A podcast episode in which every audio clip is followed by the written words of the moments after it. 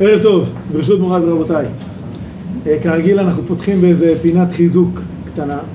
היום יש אה, הפגנה של הימין בתל אביב. זה היה דיון בקבוצה אם אה, לשנות את הזמן של השיעור, לא לשנות את הזמן של השיעור. בסופו של דבר הלימוד נשאר בזמנו הקבוע. ואני רוצה להגיד על זה כמה דברים פשוטים. אחד, חשוב גם להיות בהפגנה, בין אם אתה בעד ההפגנה הזאת, בין אם אתה בעד ההפגנה ההפוכה. אני חושב שללכת ו... ולהביע את דעתך ולהשפיע, לעשות מעשה של השתדלות טבעית להשפיע על נבחרי הציבור, זה דבר חשוב וטוב, בין אם אתה חושב ככה ובין אם אתה חושב הפוך. מצד שני, צריך לדעת שהכוח של לימוד התורה יותר חזק מהכל. בסופו של דבר זה כמו, להבדיל, כמו אה, בן אדם שהוא אה, עבר תאונת דרכים ומגיע אמבולנס, הפרמדיק מיד מזנק על הפצוע ויש לו רגל קטועה, הוא שם לו חוסם עורקים, יש לו אה, הרבה שטפי דם פתוחים, הוא שם לו תחבושות וכן הלאה וכן הלאה וכן הלאה. רק דבר אחד הוא בעייתי שגורם שכל ההשתדלות של הפרמדיק הזה לא תעזור, שהבן אדם כבר מת, כבר אין בו נשמה. אז זה לא משנה מה שלא תעשה, אם אין נשמה, אז uh, עצרת את הדם, שכוח. בסדר. עכשיו, זה לא אומר שלא צריך לעצור את הדם. כי אם הבן אדם חי, בוודאי חשוב מאוד לעצור את הדם ולשים תחבושות ולעשות כל הדברים הללו. אבל צריך לזכור שהתורה היא הנשמה. היא מה שמחיה את העולם כולו. ולכן, אה, לכן צריך, כש, כשכבר החלטנו שאנחנו פה ואנחנו משאירים את הלימוד בעוצמתו הקבועה, אז צריך מאוד מאוד להתחזק בזה ולזכור שבעצם, למרות שאנחנו, בואו, אם היינו שמה עוד עשרה אנשים, עוד חמש עשרה איש, אז היה, ברוך השם יש שם הרבה אנשים, אז היה עוד כמה. בשבילנו זה היה הרגשה, וואו, עשינו, הלכנו, צעקנו, נפגשנו עם מלא אנשים, אבל באמת באמת ההשפעה העצומה היא עצם לימוד התורה. בסוגריים צריך גם להגיד, לא צריך, אני רוצה להגיד, ש... ש... אנחנו נמצאים בתשעת הימים, שבוע שחלו תשעה באב, ובדיוק ב... ברגעים האלה, כן, אנחנו חווים uh, קצת uh, את התחושות האלה של שנאת חינם, של אנשים ש, שמנסים למשוך את, ה, את החברה הישראלית ממש לקצוות של חיכוך ושל עוינות וממש של שנאה. ובתוך כל זה שיש ויכוח, זה טוב שיש ויכוח, זה דבר בריא, זה דבר חיובי. אנחנו מצידנו, כל אחד מעצמו ודאי חייב לשים לב שהוויכוח, לא, שהוא מעצמו לא גולש לדברים לא של שנאה, לא של שבירת כלים, לא של הרס של המכנים המשותפים שבהם אנחנו נמצאים. וגם אם יש מהצד אחר אנשים שעושים את זה, אז לא להיגרר ל... לרמות האלה, כי בסופו של דבר זה בנפשנו ו... אם נחרבנו ונחרב העולם עמנו בשנאת חינם, ניבנה והעולם עמנו ייבנה באהבת חינם. זה בפינת החיזוק היומי על החשיבות של לימוד התורה, שהוא הנשמה שמחיה את הכל. חשוב לעשות גם דברים אחרים, אבל צריך לזכור שהעיקר זה לימוד התורה.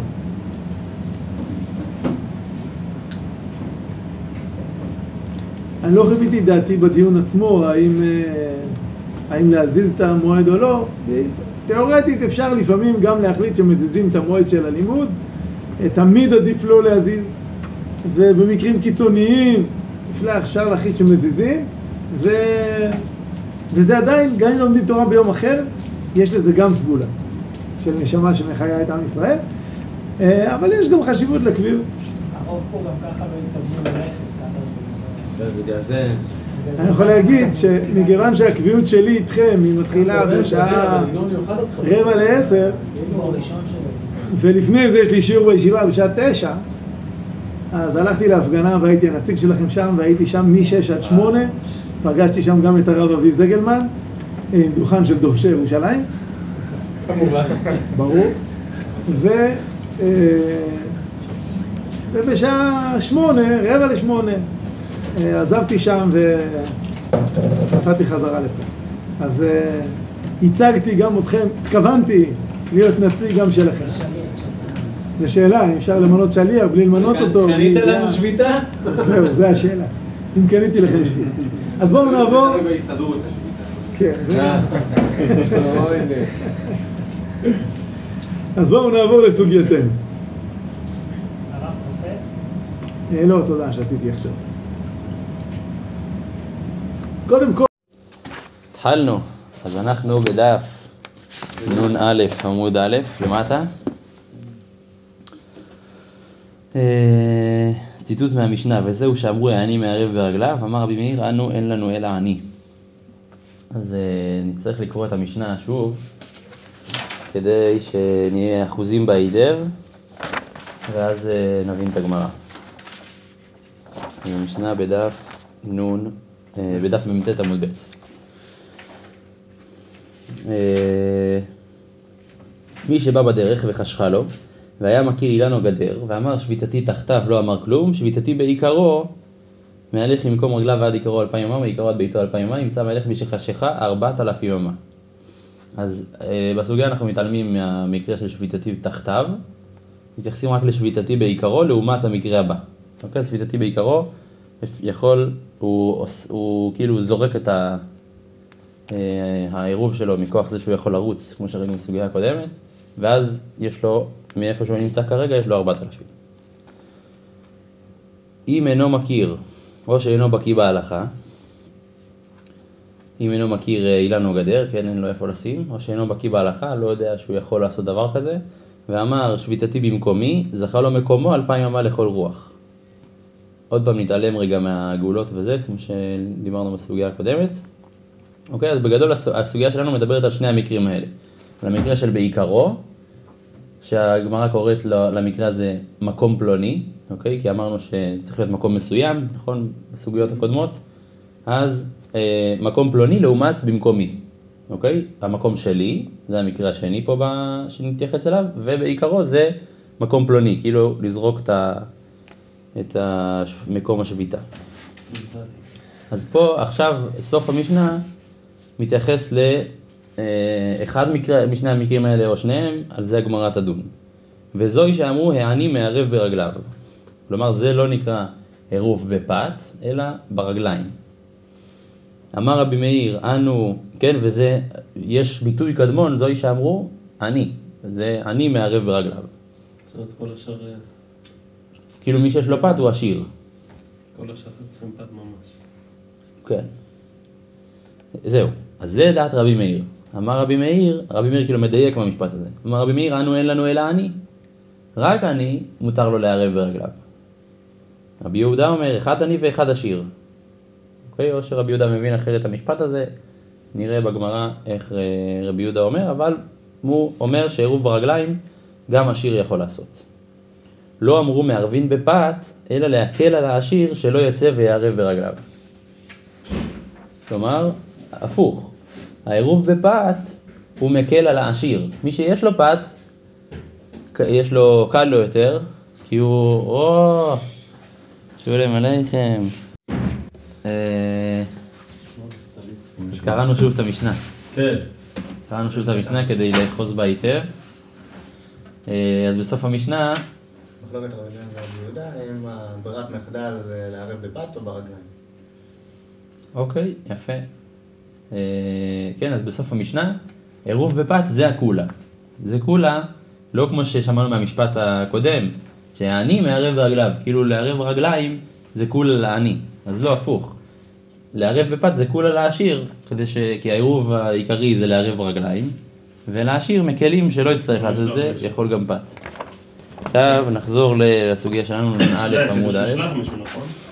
כן, יכול לשלוח מישהו. או יכול לעשות מיום לפני, או משהו כזה. שבוע לפני. כן. כן? חודש לפני? כן, יכול לעשות עירוב אחד, אה, עירוב אחד לתמיד. אפשר אפילו עירוב אחד להגיד. בשבתות שאני ארצה הוא יחול, בשבתות שאני לא ארצה הוא לא יחול. יש כזה... פה, פה, הגמרות פה. יפה, עכשיו נכנסים למחלוקת אה, מסובכת, תחזיק ראש. נירן, אתה איתנו? אנחנו בנ"א עמוד א', למטה. אמר רב נחמן, מחלוקת במקומי. אוקיי, ראינו במשנה שני מקרים, במקום פלוני, שזה בעיקרו, ובמקומי. אז רבי מאיר ורבי יהודה חולקים על המקרה של במקומי. דרבי מאיר סבר, עיקר עירוב בפת, אני יודע כאילו רבנן ילווה, אבל השיר לא. אוקיי? למה רבי מאיר אומר שהשיר לא, מה- לא עושה דבר כזה במקומי? אוקיי? השיר לא יכול להגיד שביתתי במקומי? שביתתי במקומי. אם אינו מכיר או שאינו בקיא? בהלכה, אמר שביתתי במקומי, זכה לו מקומו על פי. כן. אז לפי רבי מאיר, לפי רב נחמן, רבי מאיר אומר שהשיר לא יכול להגיד שביתתי במקומי ואז ללכת. אוי אוי אוי. שיגענו אותו בשבת. לא. איזה עמוד אנחנו? אנחנו בנ"א עמוד ב'. בוא תראה לו. בוא. נמצא שם אנחנו נמצאים. חמה. בוא נביא את הגמרות. שם בן אדם אחד, אמרתי לך חברותות, תגידי לרעש. עוד מעט, עוד מעט, חכה. עכשיו הספתח.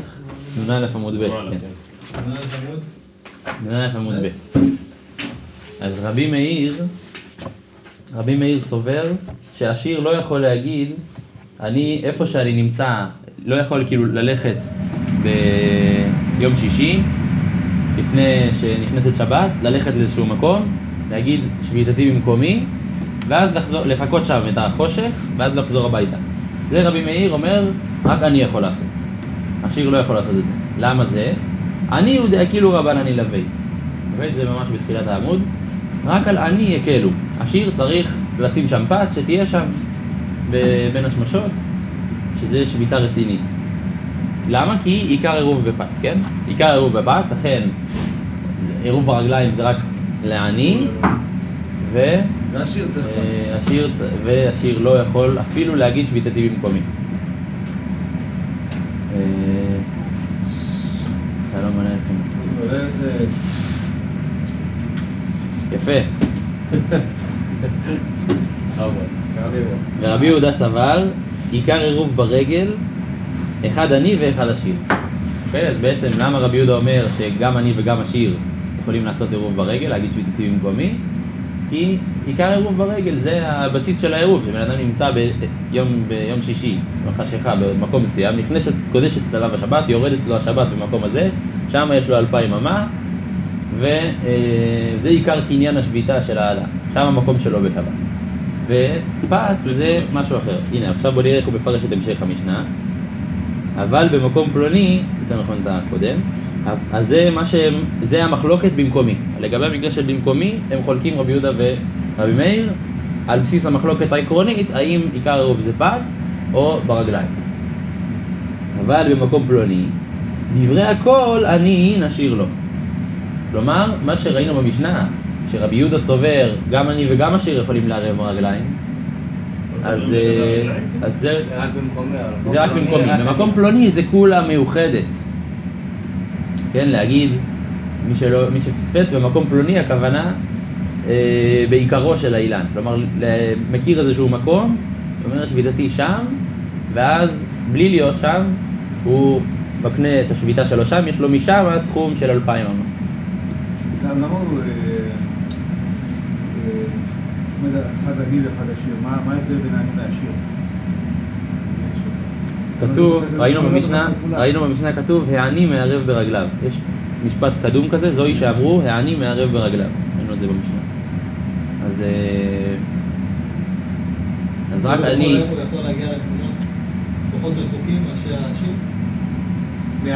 לא.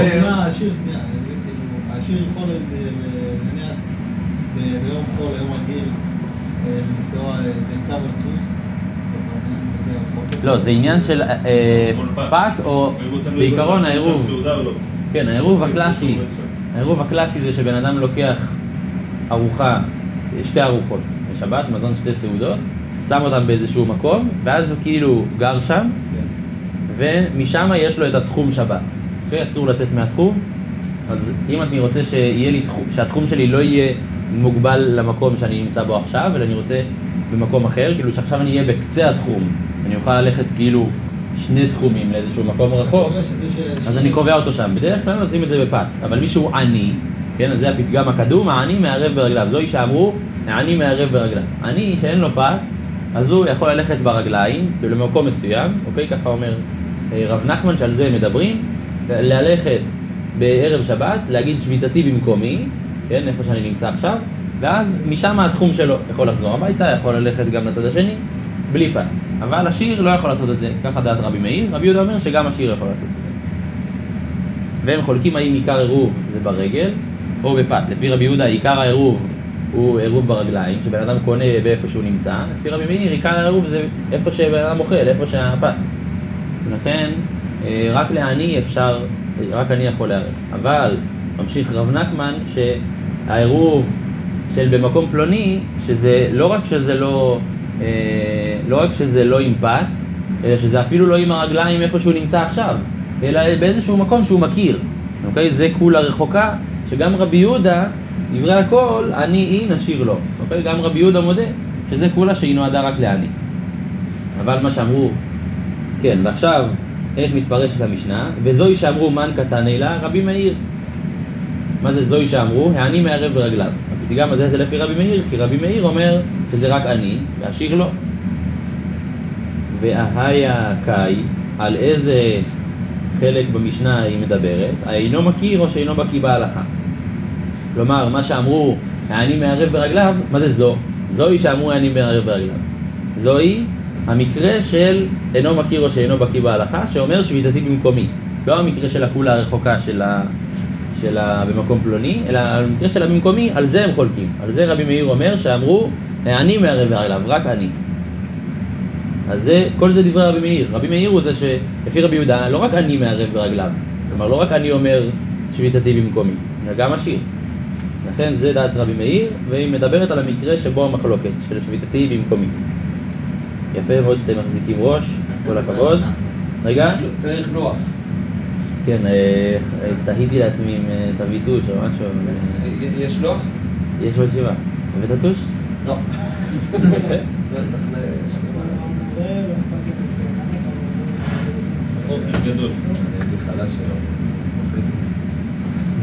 אה, ולא אמרו מערבין בפת אלא להקל, שזה גם אמירה כללית ועקרונית. מן קטן אילה? רבי יהודה. למה? כי מהאמירה הזאת עולה הפוך. מהאמירה של העני מערב ברגליו עולה שלערב ברגליים זה כולה. אבל עיקר העירוב מהו? פת. ומהאמירה הזאת, זה כן, זה שתי אמירות במשנה, אבל הן כאילו משמע הפוך. לא אמרו מערבין בפת אלא להקל. אז מה עיקר העירוב?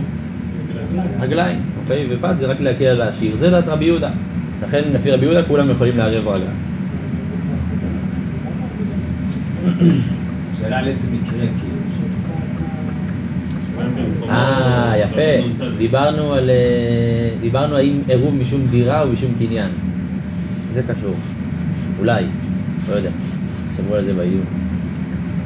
כן, זה מחלוקת עקרונית בעירוב, זה באמת מעניין. אה, סבבה. עד כאן דברי רב נחמן, ככה הוא מבין את המשנה.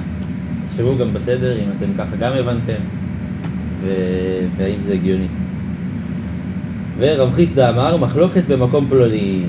אוקיי, רב נחמן אמר מחלוקת במקומי, על זה הם חולקים, ולפי רב חיסדא מחלוקת במקום פלוני. שמה, לפי רבי מאיר, דרבי מאיר סבר אני אין אשיר לו, ורבי יהודה סבר אחד אני ואחד עשיר. שם המחלוקת שלהם, בגלל שזה כולה רחוקה, אז רבי מאיר אומר שם שאני, אה, רק אני יכול. אבל במקומי דברי הכל אחד אני ואחד עשיר. בעיקר עירוב ברגל, לפי כולם. עיקר עירוב ברגל, שביתתי במקומי, זה ברור שהוא קונה שביתה, לפי כולם. ולכן גם עשיר יכול. וזוהי שאמרו מן קטן אלה רבי מאיר, ואיה קאיה הא מי שבא בדרך וחשיכה. ואמר שביתתי בכתב או בעיקרו. במקרה הזה, אה, על זה רבי מאיר אומר, העני מערב ברגליו. כן? כי ב- במקומי הוא מסכים. אה, ולא אמרו מערבין בפת אלא להקל, מה קטן אלא דברי הכל. למה? כי כולם סוברים שעיקר עירוב ב... ברגל, ולכן פת לפי כולם זה רק להקל על העשיר. עד כאן מחלוקת רבי רב נחמן ורב חיסדא, על מה נמיר ורבי יהודה חולקים, ואיך מתפרסת המשנה. ועכשיו אה, יש הוכחות, הוכחה, הוכחות, הוכחות לשיטת רב נחמן. איך להביא לוח וזה? כן, יכול, כן, תעשה. העיניים. אז אני, מי שאני חוזר, חוזר שנייה, רועי, גם בשבילך, שראינו מחלוקת אה, במשנה, רבי מאיר אומר שרק אני יכול לעשות עירוב ברגליים, אוקיי, בלי פת, ולפי רבי יהודה גם עשיר יכול לעשות. עשיר? עשיר, מי שיש לו פת, עדיין אה, הוא יכול לעשות גם בלי פת. אוקיי? רק ברגליים, וללכת למקום מסוים, להגיד ששם.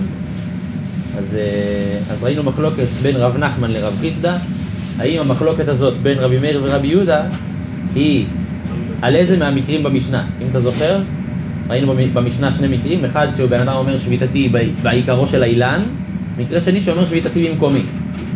אוקיי, אז לפי רב נחמן המחלוקת שלהם היא בשביתתי במקומי. במקרה הזה אה, רבי מאיר אומר שרק אני יכול לעשות דבר כזה, ולפי רב חיסדא המחלוקת שלהם היא. במקום פלוני. בן אדם יגיד שהעירוב שלי במקום פלוני, שם רבי מאיר יגיד שרק אני. אבל אה, במקומי, רבי מאיר מסכים שגם עשיר יכול. אוקיי? אז עכשיו יש לנו הוכחה. הקשיר. אה? הקשיר. לא, העירוב ברגליים רק אני יכול לעשות, זה נועד להקל על העני, אין לו פת, אז הוא יעשה רק- בלי פת. אבל עכשיו אמרת שרק השיר, שהשיר יכול לעשות, כאילו בגלל שיש לו פת, אני- לא בטוח שיש לו פת, לא? אם אין, בגלל שלעני אין פת, אז הוא יכול להגיד גם רק שביתתי במקומי, זה מספיק. הוא לא צריך לשים גם פת, שבמקום, במקום הזה שתהיה נוכחת שם פת. כן. והעירוב של הפת הוא בשביל להקל על העשיר. הוא יכול לשלוח שליח, הוא יכול לעשות את זה יום לפני, ככה זה מקל עליו. עכשיו, תניא כבתי דרב נחמן. רב נחמן אמר שהמחלוקת שלהם היא במקומי. אז מה תניא הזאת אומרת? אחד עני ואחד עשיר מערבין בפת. זה ברור, נכון? אין על זה מחלוקת. ולא יצא עשיר חוץ לתחום, ויאמר שביתתי במקומי. אוקיי? עשיר לא, אה, לא יעשה את מה שכתוב במשנה, שביתתי במקומי. לפי שלא אמרו מערבין ברגל, אלא למי שבא בדרך וחשיכה. אוקיי? אז בעצם דברי רבי מאיר. כאן רואים שעל מה רבי מאיר מגביל את זה לעני? במקרה של שביתתי במקומי. אוקיי? שזה כמו שרב נחמן אומר. נכון? אירן. איך? רבי יהודה אומר, אחד עני ואחד עשיר מערבין ברגל. ויצא עשיר חוץ לתחום, ויאמר תהא שביתתי במקומי, וזהו עיקרו של עירוב.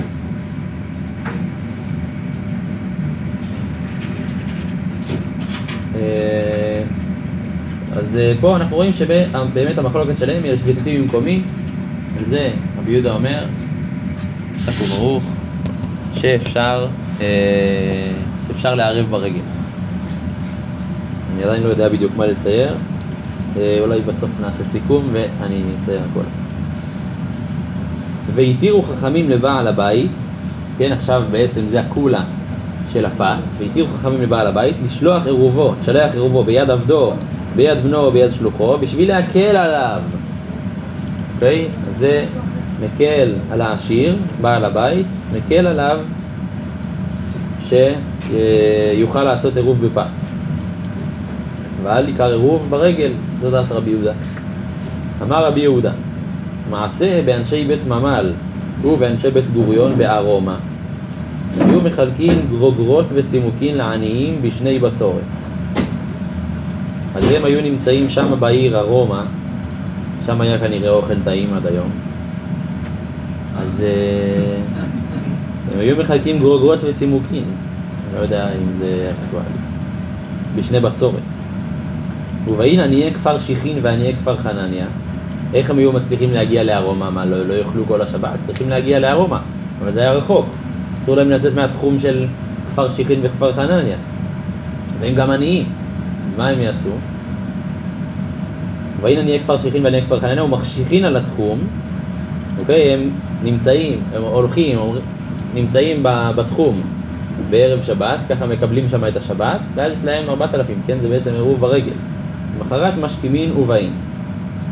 אז איך זה מוכיח את שיטת רב נחמן? שזה במקומי צריך להיות. שרבי יהודה, לפי רבי יהודה אפשר לעשות עירוב במקומי, נכון? אבל בעצם, אפילו הם אמרו על איפה שנמצאים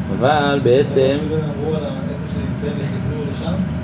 לא, הם שובתים באמצע, בין, ה, בין כפר שיחין וכפר חנניה לבין ארומה, ואז הם יכולים ללכת אלפיים אמה מהאמצע, במקום אלפיים אמה מהכפר שלהם, ואז יגיעו רק לאמצע הדרך, הם עושים את העירוב, הם שובתים באמצע, ואז הם יכולים ללכת בשני הכיוונים.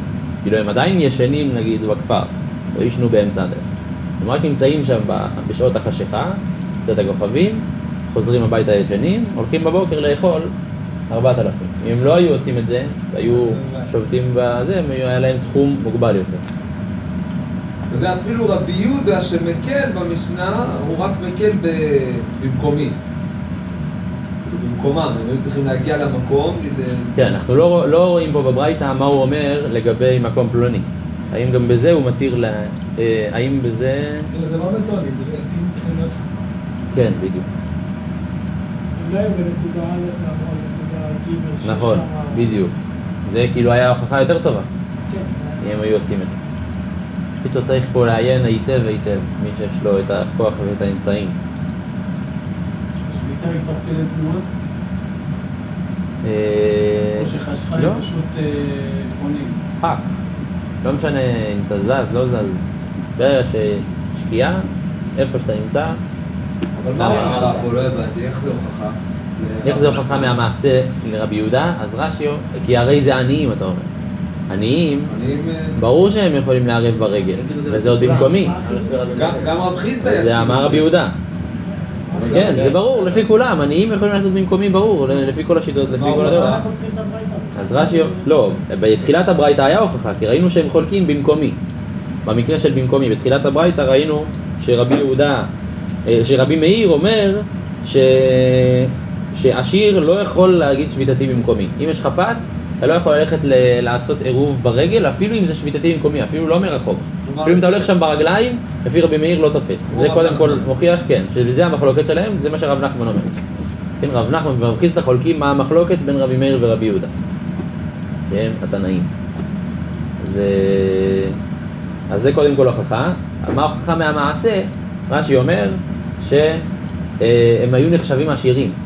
לא באמת היו נחשבים עניים. עוד שנייה אני אגיד למה, ואז זה מוכיח שגם עשיר יכול לעשות שביתתי במקומי, כי הם החשיכו על התחום. אז למה רש"י אומר שהם היו עשירים? כי לכל עני חובה לחלק מזון שתי סעודות בערב שבת, ושיהיה לו מה לאכול בשבת. זה חובה על ה... אז איפה יש מציאות של שיכול לערב... אז איפה יש מציאות של עני? למי שבא בדרך וחשיכה. אוקיי, מי שנמצא בדרך, באמת אין לו. הוא- מה, הוא לא- הוא לא יספיק להגיע, הוא לא יספיק להגיע לפת שיש לו בבית, גם אם הוא רוטשילד, הוא לא... ואין לו את לא הלמבורגיני באמת עליו בדיוק. אבל נכון לאותו רגע. אין לו. בדיוק. מי שבא בדרך הוא עני, מי שבא על הבית הוא עשיר. כן? זה קצת עולה מהברייתא הזאת. זה לא מסתדר עם. ש... שבזה שאתה עשיר, זה מחייב אותך לשים פת. כאילו, מסתדר לעני, הוא עני באותו רגע, אבל עשיר, גם אם הוא לא, אין לו פת באותו רגע, אז הוא לא תופס לו שביתה, כי הוא לא שם את הפת, כי הוא עשיר, הוא חייב לשים פת. זהו, אז זה לא, זה לא עובד בהגדרות כלליות של עשיר או עני, לא מודדים לך את הכסף, זה רק אם יש לך באותו רגע או לא. אני חושב שזה לא, לא באמת צריך להיות ככה, כאילו, מה זה משנה אם הוא עשיר או לא. נכון, וזה עדיין שאלה, גם אם נלך ככה, אז שאלה למה קראו לזה עני ועשיר. למה לא בעל הבית או בחוץ. לא. כן. אה, תשאלו את זה את הרב אלעזר כדי שהוא הוא יתלהב. ישראל. הראשונה, ישראל השנייה. כן, היום מנסים לעשות הגדרות כאלה, רחמנא לישראל. טוב, עוד, אה, עוד הוכחה, עוד הוכחה לרב נחמן. אמר רב אשי, קודם זה היה ברייתא שתמכה בשיטת רב נחמן, עכשיו זה רב אשי מאחרוני האמוראים. מתניתי נמי דייקה. יש משנה שגם מד- מדויקת לפי רב נחמן, בקטני, זה בדיוק המשנה הבאה, אם אתם רוצים להציץ מצד שמאל, בדיוק המשנה הבאה, מי שיצא לילך לעיר שמערבין לה, והחזירו חברו, הוא מותר לילך וכל בני העיר אסורים, דברי רבי יהודה. כלומר, מי שבשבת חשב שיש עירוב באמצע הדרך, אוקיי? והוא עלה, התחיל ללכת, ואז חברו חזר, אה, כאילו הוא חזר בדיוק מהעירוב, הוא אמר לו, לא שמעת את החדשות, נאכל לנו העירוב ביום שישי, אי אפשר ללכת. אז אה, חברו החזירו. הוא מותר לילך וכל בני העיר אסורים. אז זה שעכשיו חברו החזיר אותו, יכול ללכת גם לעיר, לעיר הבאה, יש לו את הארבעת אלפים. אבל-. כן, אבל כל שאר בני העיר אסורים, שלא יצאו בעצם מהעיר, אסורים. דברי רבי יהודה. ואביינן בה. ודנו במש... במשנה הזאת, מה כן? זה אפשר לראות את זה גם ב... לילך וכל בני עיר אסורים? מה הכוונה? רק זה שיצא ללכת לעיר השנייה, הוא יכול ללכת, אפילו שאין עירוב, יכול להמשיך ללכת. אבל כל בני העיר, אסור להם ללכת, כי באמת אין עירוב. זה שהוא החזיר, מי שיצא לילך. חברו, חברו לא משנה. בדרך. מה חברו? הוא יכול לצרף אליו ללכת איתו, זה השאלה? זה הכוונה? לא, לא. חברו גם כן יצאו מהתחום בשביל להחזיר אותו, לא? והוא חזר. זירו, הוא לא מעניין אותנו. מי שהוא, אפילו כל בני העיר אסור. בסנטימטר האחרון, סתם אלה שעכשיו מתחכמים. מה? אפילו בסנטימטר האחרון, מתחיל ללכת, הופ! אמר לו, "אה, איפה אתה הולך?" לא, אז הוא יכול ללכת. אם הוא יצא ללכת לעיר שמערבין בה, על דעת זה שיש עירוב, הראשון, כשיצא היה בן ארבע שש. רק יצאת. כן. אה. הלכת? התחלת לצאת, זה זה כבר בסדר. אז אתה יכול להמשיך ללכת. כן. רגע, אז בוא נ... אז בדיוק, זה? מוזר, זה מוזר. אז זה שהוא יצא, זה עכשיו הופך אותו לשונה מבני העיר. אז לכן הגמרא דנה במשנה הזאת. אם תראו, זה ממש ציטוט מדויק מהגמרא. יש לי יצירות בהמשך, זה ציטוט ממש חוסך לנו בשבוע הבא. אה? לא, זה חברות גם ככה חוזר, זה חברות גם- אז הנה, הנה, הגמרא תפתור לנו את השאלה. אה, ואביינן בה, מה ישנאי הוא ומה ישנאין הוא? או שכל בני העיר מותרים ללכת כי יש עירוב, אם הם סומכים על העירוב, כן? או שגם הוא אסור, מה, מה פתאום, מה קרה לו? ואמר רב הונא, רב הונא הסביר, אחא במאי עסקינן, כגון שיש לו שני בתים ושני תחומי שבת ביניהם. כלומר, יש לו גם בית בעיר השנייה. אי הוא, כיוון דנפקא ללאורך, הווה לי עני, והנח עשירים נינו. כלומר, בגלל שהוא עכשיו נמצא בדרך, אז זה שחברו החזיר אותו, הוא בדרך לבית שלו בעיר השנייה, אוקיי? זה, זה שחברו החזיר אותו זה לא... זה לא, זה, זה לא משייך, הוא כבר יצא. בגלל שהוא יצא לדרך, אז הוא כבר בדרך לבית השני שלו. אוקיי? אז מי שיש לו בית בעיר השנייה, אז הוא נחשב עני, כי הוא בדרך לבית השני. ולכן הוא יכול לעשות עירוב כזה, אפילו שאין שם פת, אפילו, ב- אפילו שלא היה פת, הוא יכול לעשות עירוב ברגליים, אוקיי? זה, ברגליים לשם, כאילו, לבית שלו? כן, לא, לבית. לבית השני, לבית לבית של. העיר השנייה, כן. אז רק הוא יכול לעשות, אה, יכול לעשות עירוב כזה בלי פת, ושאר בני העיר עשירים נינו, כי הם לא, כי הם לא, גם אם הם יוצאים מהזה, הם לא בדרך ל- לבית שלהם, אלא הם עוד לא, לא יצאו מתחום העיר המקורית שלהם. לכן הם נחשבים עשירים. עלמא, עוד פעם, למה הם נחשבים עשירים? מה- עושה. אותם? הם לא בדרך, הם לא בדרך לבית. הם לא הם בדרך. בתחום שלהם, כן? בתחומם, בביתם. הם בביתם. אם הם בביתם אז הם נחשבים עשירים כי הכל נמצא לידם? כאילו, זה הרעיון? יש להם איזה, יש להם יש גישה. כאילו. אה? יש להם גישה לפת. והוא זה שהוא הולך, הוא כאילו אומר, אני הולך ליעד הזה, ולכן אין לי ש... אני עני, כי אני לא חושב על המקום פה. אני רק שהוא בדרך. זה כאילו העניין. בגלל שהוא יצא, יצא ללכת לעיר השנייה. יצא עם כיסים ריקים, כאילו. כן. עלמא, כל במקום פלוני, עני אין, עשיר לו. אז מכאן אנחנו לומדים. למה זה נקרא עירוב במקום פלוני? כי הוא לא היה שם משחשיכה. הוא רק משחשיכה בנה על. איפה שנמצא העירוב, אבל העירוב בעצם לא היה שם, אוקיי? אז אם הוא היה עשיר, אז העירוב הזה לא תופס. הוא לא יכול להגיד, אני, השביתה שלי במקום מסוים, שאין שם עירוב.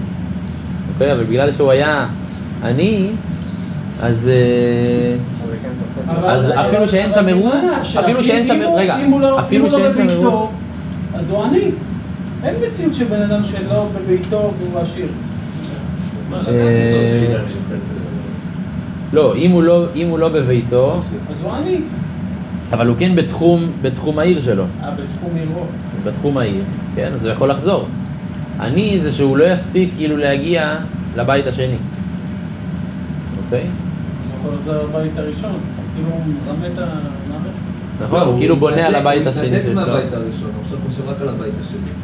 הוא לא באמת התנתק, כי הוא לא יצא מהתחום, אבל בגלל שהוא, הוא, בגלל שהוא מחוץ לתחום של הבית השני, אז הוא כן יכול לעשות עירוב אפילו שאין שם פת. כן, עירוב במקום פלוני זה כאילו כמו לשים עירוב בפת, רק בלי לעשות אותו. רק נטו להגיד אני שובת במקום ההוא, כל עוד- כל עוד שהוא בתחום, אז הוא נחשב עשיר. יצא מהתחום, עני. לא, אם הוא נמצא, אם הוא נמצא, אם אה, הוא שובת, כאילו אם, אם בראש לו המקום, העיר המקורית שלו, אז הוא נחשב בעל הבית. אם הוא, אם הוא בא מהבית שלו, אז הוא עשיר. אם הוא הולך אל הבית שלו, נחשב עני. אוקיי? אז מספיק שיש לו בית שם, שהוא יחשב הולך אל הבית, ולא כי- בא כי אין מהבית. לו פת בדרך, באמצע? זה הרעיון? זה מה שעושה אותו עני? לא, מה שעושה אותו עני זה שהוא הולך אל הבית, ולא בא מהבית. אבל אם היה לו באמצע פת, אז לא. אז גם עשיר היה יכול לעשות. הוא- כן בא מהבית. הוא בא מהבית והלך אל הבית. אז בגלל שהוא הולך אל הבית, הוא יכול להיחשב עני. היה לבית יותר חזק מזה שהוא יצא מהבית. או שזה, העני או לא- שזה מוסיף לו הגדרה של עני. הוא לא רק עשיר, הוא גם עני. משהו כזה. כן, מוסיף לו את הקולה שהוא יכול לתת גם במקום אחר. למה סיפר, למה סיפר לנו שחבר שלו החזיר את זירו?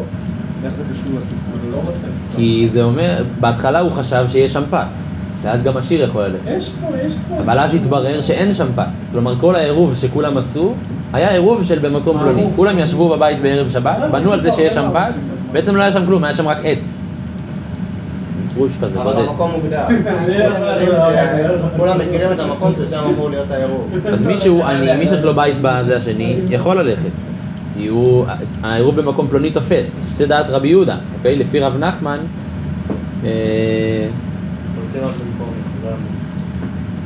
לפי רב נחמן, אה, לפי...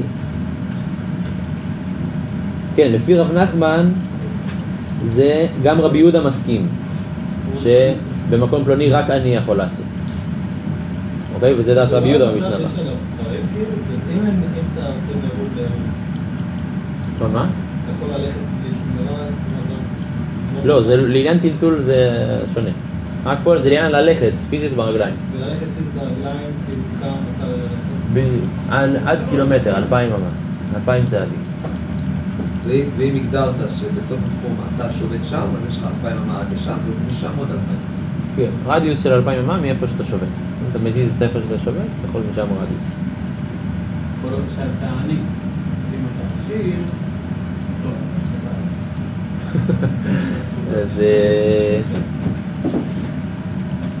על מקום במקום פלוני אני אין אשיר לו, שמע מינה. אז רואים מהמשנה הזאת שרבי יהודה אומר שבמקום פלוני אני אין אשיר לו, ורב חיסדא אמר שגם במקום פלוני רב, רבי יהודה אומר שגם עשיר יכול. אוקיי? רק רב נחמן אומר שרבי יהודה מודה, רבי יהודה בעיקרון אומר שגם עשיר יכול לעשות עירוב ברגליים. אבל פה אנחנו רואים במשנה הזאת שרבי יהודה מודה שיש הבדל בין עני לעשיר בקולה הרחוקה של במקום פלוני. כן, שאם הוא ישב בבית ואמר העירוב שלי במקום אחר, בלי פת. עוד פעם. וואו. אז בואו נעשה סיכום, הנה, סיימנו את ההוכחות, שמע מינה. סיימנו את החלק המסובך של הסוגיה. נסכם אותו רגע. בואו נראה אם הטוש הזה יגבר, יגבר. יפה, אה, אה? יפה מאוד. לקחתי את הטוש של הרב טל. וואלה. אז אמרנו שיש אה, שני מקרים במשנה. במקום פלוני?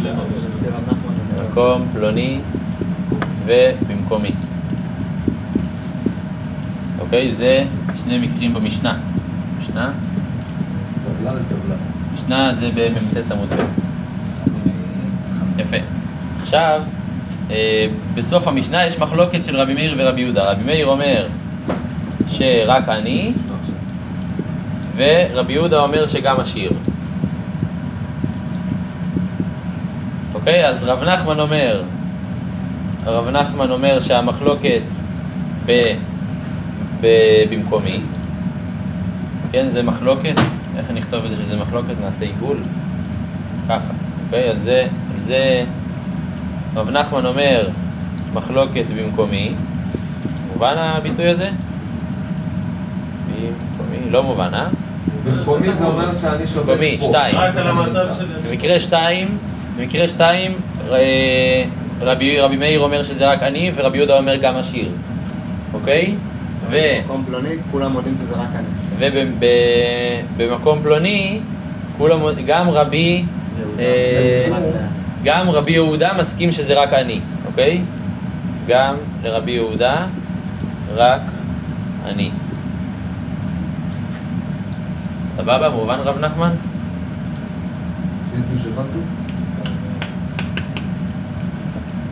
ורב חיסדא אומר שמחלוקת ב...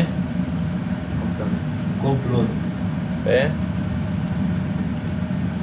מחלוקת באחד, ובשתיים, בשתיים גם לרבי מאיר גם השיר. לא, אבל מחלוקת לפי רב חיסדא, מחלוקת במקום פלוני, אז רבי מאיר אומר, רק אני יכול לעשות, לקבוע שביתה במקום פלוני, ורבי יהודה אומר, גם השיר. מה זה אומר גם השיר? שמה? שהפת בא רק להקל עליו, אבל גם הוא יכול להגיד גם אם אין לי פת.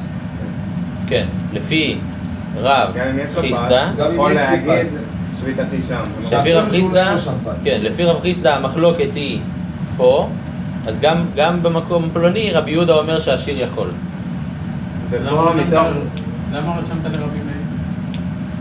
לרבי מאיר, איפה פה? כן. לרבי מאיר גם השיר יכול לעשות במקומי. בשתיים, גם אפילו- לרבי מאיר. גם השיר יכול לעשות במקומי. זה לא רבי שם, זה רבי מאיר. רבי מאיר מודה במקרה הזה שאפשר, שהשיר יכול. אוקיי? והם חולקים פה. לפי רב נחמן הם חולקים פה, ורבי יהודה מודה שפה זה רק אני. אוקיי? זה כאילו יותר כולה. אז, אה, אז לפי רב נחמן זה. כולה יותר אה. אני לא יודע איך נעשה את זה יותר פשוט, זה פשוט מסובך. צריך פשוט, אה, אה, צריך לחזור על זה, כאילו, בחברותות. כן, אבל אולי אפשר... ובעצם פה הלימוד אולי בסוף ת- היה- תעשו צריך לעשות טבלה. יותר... צריך להבין את ההיגיון. אז. תעשו אולי ב- בזמן של העיון, תעשו טבלה, או שבסוף את השיעור זה, כן, ו... אה, וזהו, אז מה ההוכחות שראינו? ראינו הוכחה שהמחלוקת שלהם היא במקומי, אוקיי? בברייתא ראינו ש... שהם חולקים בבמקומי, אוקיי? כלומר, ש... אה, שלפי רבי יהודה, שלפי רבי מאיר, במקומי רק אני, נכון? אם לפי רבי מאיר, במקרה שתיים, זה רק באני, אז זה מוכיח את רב נחמן, נכון? כי רב נחמן אומר שבמקרה שתיים יש להם מחלוקת. לפי רב חיסדא במקרה שתיים, רבי מאיר מודה שגם השיר יכול לעשות. לכן בברייתא שכתוב שלפי רבי מאיר זה רק אני, זה אומר שהמחלוקת היא במקומי. זה ההוכחה מהברייתא. וההוכחה של רב אשי, זה שראינו שבמקום פלוני, לפי רבי יהודה, לפי רבי יהודה במקום פלוני, השיר לא יכול לעשות. זאת אומרת שבמקום פלוני הוא מודה. זו הוכחה לרב נחמן. לרב נחמן גם. תגידי את ההוכחה לפני זה, מה זה היה? ההוכחה לפני זה זה שראינו שרבי מאיר אומר רק אני במקומי. כלומר זה לפי... זה רב נחמן. כן, זה רב נחמן. ולפני זה, מה שהוכחנו לפי רב חיסדא. הרב- אין היה הוכחה לרב חיסדא, רב חיסדא הזוי. סתם. אוקיי, זה רק הדינים, יש פה האם, מה עיקר העירוב, זה ראינו גם. זה אולי, אולי יעשה איזשהו סדר, לא יודע. טוב, עכשיו יש לנו כמה שורות קלילות עד אה, למשנה הבאה. פסק ההלכה. מתני לי רב חייא בר אשי לחייא בר רב קמי דרב. כלומר, רב חייא בר אשי לימד את חייא בר רב, הבן של רב, לפני רב. רב שטף כלים, והם למדו שם בבית, סתם, בבית מדרש. ו... אה, הוא אמר לו, מה הוא לימד אותו? אחד עני ואחד עשיר. אמר לי רב, רב היה לפני רב נחמן ורב חיסדא. זה עוד לא... עוד לא נכנס פה כל הסיפור הזה. אמר לי רב סיים בנמי הלכה כרבי יהודה. אוקיי, אז הוא שנה לו, הוא לימד אותו ככה הלכות, קיצור שולחן ערוך, אמר לו אחד עני ואחד עשיר. אמר לו, זה לא מספיק, תגיד לו הלכה כרבי יהודה. אם אתם זוכרים, דיברנו על זה בסוגיה של הכללים. רבי מאיר ורבי יהודה, הלכה כרבי יהודה. יפה. אז פה רואים שרב לא סובר את הכללים, נכון? הוא אומר שלא מספיק להגיד מה רבי יהודה אומר, צריך להגיד שההלכה פה כרבי יהודה. אבל זה אמרת שזה הכלל. אז לפי רב אין כלל כזה. כל פעם צריך להגיד במפורש האם הלכה כרבי יהודה או הלכה כרבי מאיר. אבל אני לו צריך להגיד על החקירה ביהודה. מה זה עוזר? כדי להוציא כלל שאין כלל. לא. לא, לא, להגיד למה צריך להגיד סיים בק... זה הלכה, אז למה צריך להגיד הוא? לא סובר שיש כלל, אז הוא כל פעם שצריך להגיד, אז צריך להגיד. אה? הוא לא טוען שיש כלל. נכון. הוא אומר, אם יש מקום שצריך להגיד, אז כל פעם צריך להגיד. כל פעם צריך להגיד הלכה כרבי יהודה? כן? הנה, זה- אולי זה, זה אולי מוסיף? בדיוק זה מה שהוא רוצה להגיד, הוא רוצה להגיד שלא תמיד הלך כרבי יהודה. בוא הלכה אז כרבי כאילו זה מה שצריך אולי. להגיד. כן. הלכה כרבי. אבל זה כבר שאלה, אתה- אתה גורם לאנשים לא לענות תשובות אחרות, זה יכול להיות מלא תשובות. נגיד, אולי רב חזה שלא ידעו מה אחד עני ואחד עשיר. אחד עני ואחד עשיר פה או אחד עני ואחד עשיר פה. זה לא. אז תגיד מה שאתה חושב גם, אל כן, תיתן לו לסתום את זה. תהיו חברותא. בוערת. אז זה לעיון בקיצור. שיהיה לה טובה וכל אחד יגיד את התשובה שלו ויתבצר בה. לא, בשנאת חינם. הוא אומר לו הלכה בלי... כאילו, הוא אומר לו את ההלכה, הוא אומר לו, לא, תגיד מה... מה... תהיה ספציפי. אוקיי. אז זה... הוא אומר לו... ולכן גם זה כתוב פה, אם לא, מה הקשר עכשיו להלכה כרבי יהודה, לא יהודה. זה צריך להיות קשור לסוגיה. שלום, שלום. רבה. רבה. אולי הוא התכוון לרב חיסדא. רבה ברב חנן. אולי הוא התכוון לרב חיסדא. עכשיו סיפור על דורות קצת יותר מאוחרים. בין רב נחמן לרב ריזדה, נראה איך פסקו. רבה בא רב חנן, אבה רגיל דעתי מארטיבנא לפומבדיתא, שני מקומות. אמר, תהא שביתתי בצינתא. מה זה צינתא? איזשהו מקום. אבן. נראה לי שזה אבן. אז אה, מה זה אותו? זה במקום פלוני. נכון? בעצם הוא אמר, אני שם שובת. אמר לאביי, תראי, אביי כבר שני דורות, אחרי רב נחמן ורב חיסדא. מהי דעתך? רבי מאיר ורבי יהודה הלכה כרבי יהודה, ואמר רב חיסדא מחלוקת במקום פלוני? כן? הוא בעצם, מה רב, נח... מה רבא בר חנן, רב, מה רבא בר רב חנן עושה? הוא עשיר. הוא עשיר, הוא הוא רגיל. כל. שבת הוא אומר שביתתי במקום פלוני. זה לעשיר. מי סובר שמותר להשאיר. שמותר לעשיר לעשות במקום פלוני? פה גם לרבי יהודה זה רק אני, רק לרב חיסדא לרבי יהודה. אוקיי? רק לרב חיסדא לרבי יהודה, העשיר יכול לעשות במקום. פלוני. אז מה אומר לו אביי? "אה, אז ככה אתה חושב. רבי מאיר ורבי יהודה אחר כך רבי יהודה, אומר לו, מביא לו את הכלל, לא את רב. ואמר רב חיסדא מחלוקת במקום פלוני, והרב נחמן ותניא כבתי. מה, אתה מתעלם מרב נחמן? גם יש לו ברייתא איתו. אמר לי, הדריבי. אה, אה. זהו, זהו. צודק. החזירו חברו. זהו, חרט. יפה, עוד סיפור. אמר רמי בר חמא, הרי אמרו שבת יש לו ארבע אמות. אוקיי, יש דין שבן אדם ששובת במקום מסוים, אז יש לו משם ארבע אמות ועוד אלפיים אמה. אוקיי, יש לו כאילו אלפיים וארבע או אלפיים ושתיים, משהו כזה. הנותן את עירובו, יש לו ארבע אמות או לא? מה זה נותן יותר? בן אדם ששם עירוב, שם עירוב במקום מסוים, לא שובת שם במקומי, לא כמו, כן? שבת יש לו 400. אם בן אדם נמצא במקום מסוים, יש לו את ה-400 שלו, שם גם מותר לו לטלטל, כמו שראינו, משם יש לו עוד 2,000. אבל אם בן אדם שם פת, הנותן את עירובו, שאלה לא קשורה, ל... רק לומדים את זה במשנה, אבל שאלה כללית, האם בן אדם ששם פת, האם לו, לו, האם הפת קונה לו כאילו 400 ומשם 2,000, או ישירות מהפת נקודתית 2,000? זה משנה מאוד, השתי האמות האלה. כן. כן. אמ- אמר רבא, מה הוא ענה? תשמע, לא אמרו מערבין בפת, אלא להקל על העשיר שלא יצא ויערב ברגליו. והיא אמרת, אין לו, היי להקל, להחמיר הוא. כלומר, אם, אם עכשיו כשהוא שם עירוב בפת, זה לא מקל עליו, שהוא לא יצטרך לערב ברגליים, נכון? אמרנו ש, שגם עשיר יכול לערב ברגליים, פשוט נתנו לו שיהיה פת כדי שלא יצטרך אה, לצאת ולערב ברגליו. אז אם בעירוב ברגליו יש לו 400 ועוד 2,000, ובעירוב בפת אתה נותן את עירובו, אין לו 4, יש לו רק 2,000. מה זה חומרה, זה לא כולה. זה לא עוזר לעשיר, זה כאילו מתקזזים איתו, אומרים לו, טוב, תעשה בפת, אבל אה, אין לך את הארבע. זה לא, לא להקל על העשיר. מהמשנה עולה שכנראה יש לו, לא יכול להיות שאין לו, כי אז זה יהיה חומרה. אז אה, עוד יותר רואים שזה משנה ה-400 האלה. אה, אבל הם יוצאים מנקודת הנחה ש... שאני יש לו תמיד כאילו 400 מאיפה שהוא שולט? עירוב ברגליים, עירוב ברגליים זה... תמיד 400? כן. כן? כן, ככה אמרנו גם במקום פלוני, נכון? אמרנו שבמקום פלוני צריך שהוא יהיה מסוים ל-400, ואז משם יש? לו 2,000.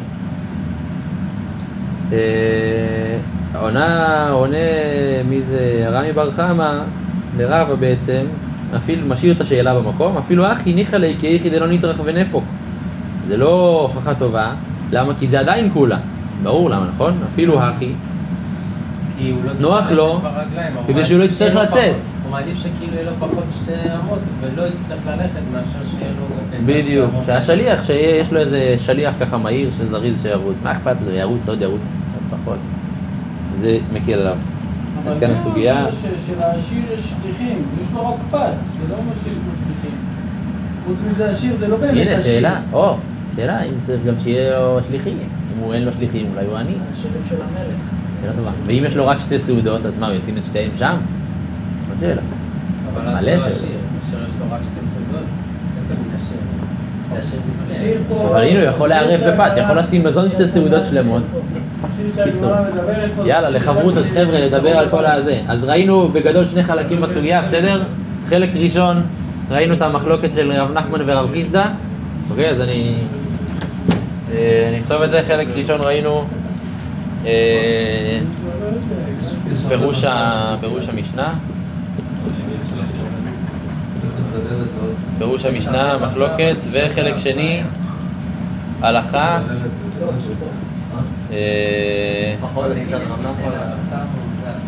ו? במעבדה, מותר לאכול? אה, מה עוד ראינו? האם יש 400? האם שבת יש 400? שוברים את הראש על הסדר. חזק. חולק. קודם כל, מה היה לנו היום בסוגיה? במשנה שהייתה בדף מ"ט, אז היה בעצם כמה חלקים, והיום אה, נחלקו רב נחמן ורב חיסדא איך להסביר בעצם את מהלך המשנה. כי המשנה פתחה. פתחה בעצם בשני דינים. דין אחד זה אדם שאמר שביתתי במקום פלוני, כלומר, למשל, הרי הוא לא נמצא, הוא נמצא רחוק 4,000 מביתו, 4,000 אמה. אבל הוא אומר, הרי שביתתי בעץ, בעיקרו של העץ, שנמצא 2,000 אמה ממני. וזה המשנה אמרה שזה בעיקרון עובד. אם הוא אמר שביתתי בעיקרו של העץ, אז הוא יכול ללכת אל- 2,000 אמה עד שם ועוד 2,000 אמה עד ביתו. ומקרה נוסף, זה אם הוא לא מכיר, או שהוא לא מכיר את ההלכה הזאת, לא בקיא בהלכה הזאת, אז הוא יכול להגיד, שביתתי במקומי. ואז זכה לו מקומו, אלפיים אמה לכל רוח. זה הדין השני. ואז המשנה אומרת, וזוהי שאמרו, העני מערב ברגליו. ונחלקו רבי מאיר ורבי יהודה, האם זה דווקא עני, או גם עשיר. המשפט האחרון של המשנה, זה לא אמרו מערבים בפת, אלא להקל על העשיר, שלא יצא ויערב ברגליו. אז הגמרא מביאה איך רב נחמן ואיך רב חיסדא מפרשים את, ה, את המחלוקת הזאת.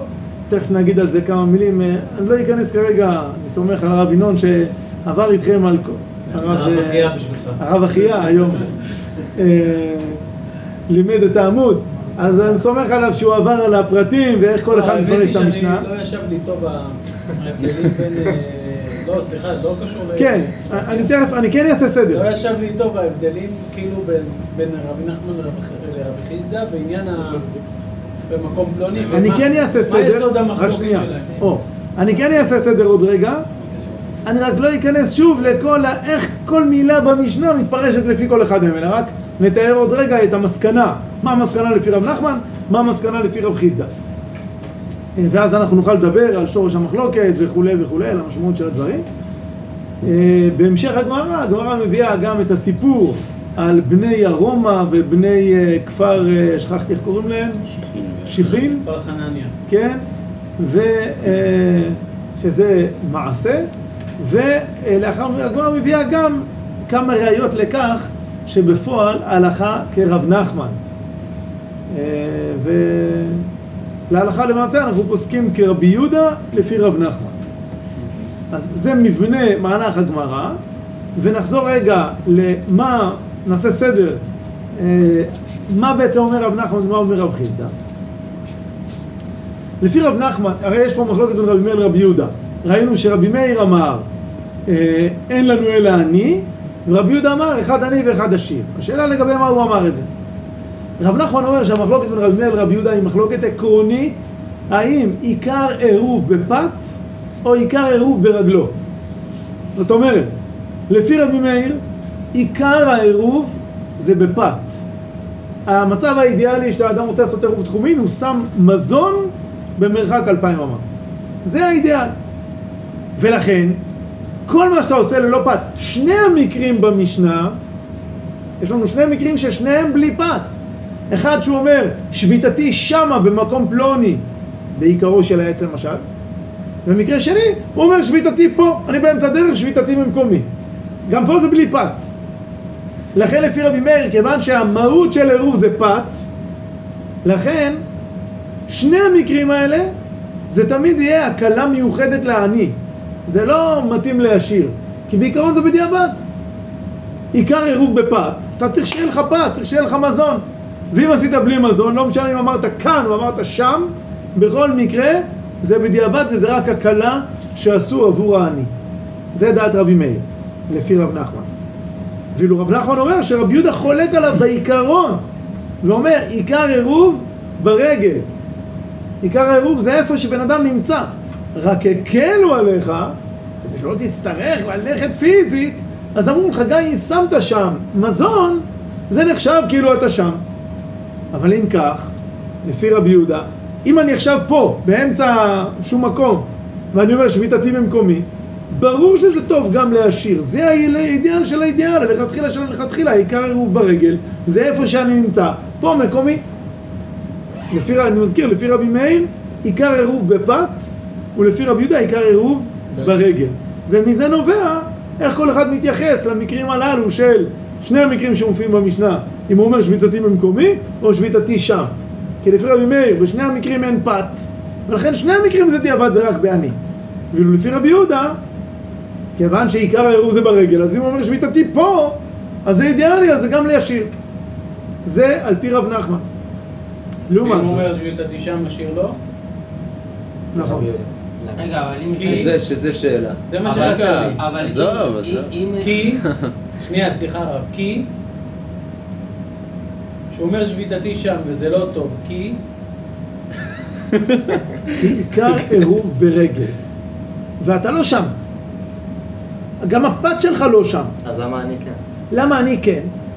כי כמו שראינו את דברי, נדמה לי רב בעמוד הקודם, שצריך להיות שהוא מסוגל לרוץ ברגליו. הוא לא חייב לרוץ פיזית, אבל שיש לו פוטנציאל של לרוץ ברגליו. אז יש פה, בכוח, בפוטנציאל, אתה יכול להיות שם. אז לכן, בשביל עני, הקלנו. אבל בשביל העשיר לא הקלנו. העשיר היה צריך לדאוג שיהיה לו פת באותו מקום. שלא צריך לרוץ, ממש כדי להגיד. או לרוץ פיזית, או לדאוג שיהיה לו פת. זאת אומרת שלרבי יהודה הוא אומר שהעיקר הוא ברגליו, ולכן אם הוא אומר במקום פלוני, הרגליים שלו פה, הם לא שם. כן. הוא לא יכול לקנות שם שביתה שהוא, הרגליים שלו פה. נכון, אבל לעני הקלנו בגלל ש- הפוטנציאל. הוא יכול, יש לו פוטנציאל. עכשיו, דרך אגב, הראשונים דנים בזה, מי נקרא עשיר ומי נקרא עני? מה קו העוני לעניין זה? ואומרים שבעצם, אם אתה נמצא, במקרה של המשנה, יש, יש ראשונים שאומרים כך, שבמקרה של המשנה, שאדם הולך בדרך, הוא נקרא עני. גם אם הוא עשיר מופלג. כי בבית יש לו הכל, אבל פה הוא בדיוק, כרגע- פה כרגע הוא עני. נמדד כעני. הוא לא. כרגע... עכשיו, אז מה זה עשיר? עשיר זה אדם שנמצא בביתו. יש לו מזון שהוא יכול לשים שם, למה לא שמת? זה לא פתרון שאתה תשב בחולון, בבית, ותגיד, הרי שביתתי אלפיים אמה מחוץ לעיר. לך תשים. או לך תגיע לשם פיזית, או לך תשים פת. לא תסתפק בלהגיד. אבל אם אתה במצב, בשעת הדחק, שאתה נחשב כעני, כי אין לך כרגע משהו, אז זה נחשב אה, שאתה יכול. זה, כל זה לפי רב נחמן. לפי רב חיסדא, כולם מסכימים שעיקר עירוב ברגל. זאת אומרת, לפי רב חיסדא, גם רבי יהודה אומר שזה ברגל, אה, גם אה, גם רבי מאיר וגם, שזה- נכון, גם רבי מאיר מודה שזה ברגל. אלא מה? אז קודם כל, לפי רבי יהודה, אז זה מכיוון, סליחה, נתחיל רגע מרבי מאיר. רבי מאיר פה הוא כמו שאמרנו רבי יהודה, רבי יהודה לפי רב נחמן. כי בעצם לעני שאין לו אפשרות, אז הקלנו כי יש לך פוטנציאל. אבל אם אתה עשיר, אז לא, לא הקלנו לך למקום אחר. לעומת זאת, רבי יהודה יגיד שמכיוון שיש לך פוטנציאל, אז זה קיים גם לעני וגם לעשיר. כי המציאות הזאת של בכוח, של הפוטנציאל, אז אם אני לוקח אותה כמציאות מהותית, ובגלל שאתה תאורטית יכול להיות שם, אז אתה יכול גם להגיד, הרי יש שביתתי שם. אבל לפי השני, למה הם נחלקים במקום פלוני? כי השאלה היחידה היא, לפי רב חיסדא, שהוא השני, השאלה היחידה היא, האם את הפוטנציאל, שיש לי פוטנציאל להיות שם, האם אני תמיד מחשיב את זה כדבר קיים, כאילו אני שם, או שזה רק הקלה שעשו לעני? זה העיקר חסר מהספר. תסביר. שהם חולקים בדבר הצדדי. כן, זה כאילו לא... אז מה הם חולקים? מה השורש המחלוקת? זה נשמע ככה, אתה, אתה מסביר את אותו דבר, רק ש, שההבדל הוא לא מופיע ב, ב, במלל. ההבדל בין רב חיסדא לרב נחמן. כן, הרי ב- בדעה הראשונה, מה שאמרנו לפי רבי יהודה, נכון, גם, גם בדעה הראשונה זה הולך שהעיקר הוא לפי הרגליים, לפי רבי יהודה. אז. אף אחד לא סובר בעצם שעיקר ו- זה בפת? כאילו. לפי רב חיסדא אף אחד לא סובר כך, נכון. לפי רב נחמן בזה הם נחלקים. האם השביתה היא ברגל או בפת? כן, העיקר. נכון. תסביר לי ינון, למה אתה, הרב ינון, למה אתה אומר שזה... כי כתוב את אותן סברות, אבל המסקנות הן שונות, כאילו, לפי רבי יהודה בדעת, בדעתו של רב נחמן, ולפי שניהם בדעתו של רב חיסדא. אם אתה אומר שהולכים לפי הרגליים, אז יוצא, ו- ואתה לא מסביר כאילו יותר מזה, ועדיין יוצא שתי מסקנות שונות. שנייה. כאילו, רב נחמן אומר, רב נחמן אומר לא, במפורש, לא. מחלוקת במקומי. דרבי מאיר סבר עיקר עירוב בפת, ולכן אני יודע כאילו רבנן ילווה, ורבי יהודה סבר עיקר עירוב ברגל. נכון? זה תחילת דף נ"א כן. עמוד ב'. זה כתוב מפורש. ואז זה אומר שבעצם השיר לא יכול להגיד במקומי, כאילו ו- במקומי, בדיוק. ב- במקום פלוני. במקום פלוני. גם לפי רבי יהודה. לא. הבעיה שעיקר עירוב ברגל יכול להיות כולל מקום פלוני או לא כולל נכון, מקום פלוני, זה הבעיה. נכון. זה, הנקודה הזאת, היא אולי חסרה פה מן הספר. רב חיסדא, מה אומר רב חיסדא? מחלוקת במקום פלוני. דרבי מאיר סבר השיר, אני אין לא, ורבי יהודה סבר אחד אני אחד השיר, הוא לא מסביר את הסברה. הוא לא מסביר את הסברה, הוא רק אומר את הדין, אבל את הדין הוא אומר. עכשיו נכון, אני אה, הרב הסביר לפי, כרגע לפי רב חיסדא, לפי איזה פירוש, כאילו, לפי מי, רש"י או... שזה סברה... לא יודע, זה היה נראה לי פשט, זה כאילו לפני שעיינתי, זה היה נראה לי מה שהכוונה של הגמרא. אוקיי. יש אנשים שזה נראה להם פשט, אתה מבין?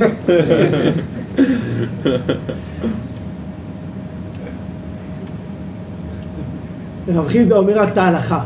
הוא אומר, ש- ש- שה- שכשהוא אומר במקום פלוני, אז, הר- ובעצם הראשונים כן אומרים, הראשונים מתייחסים לזה ואומרים שלפי רב חיסדא, גם רב אומר וגם רב יהודה אומרים עיקר עירוב ברגל.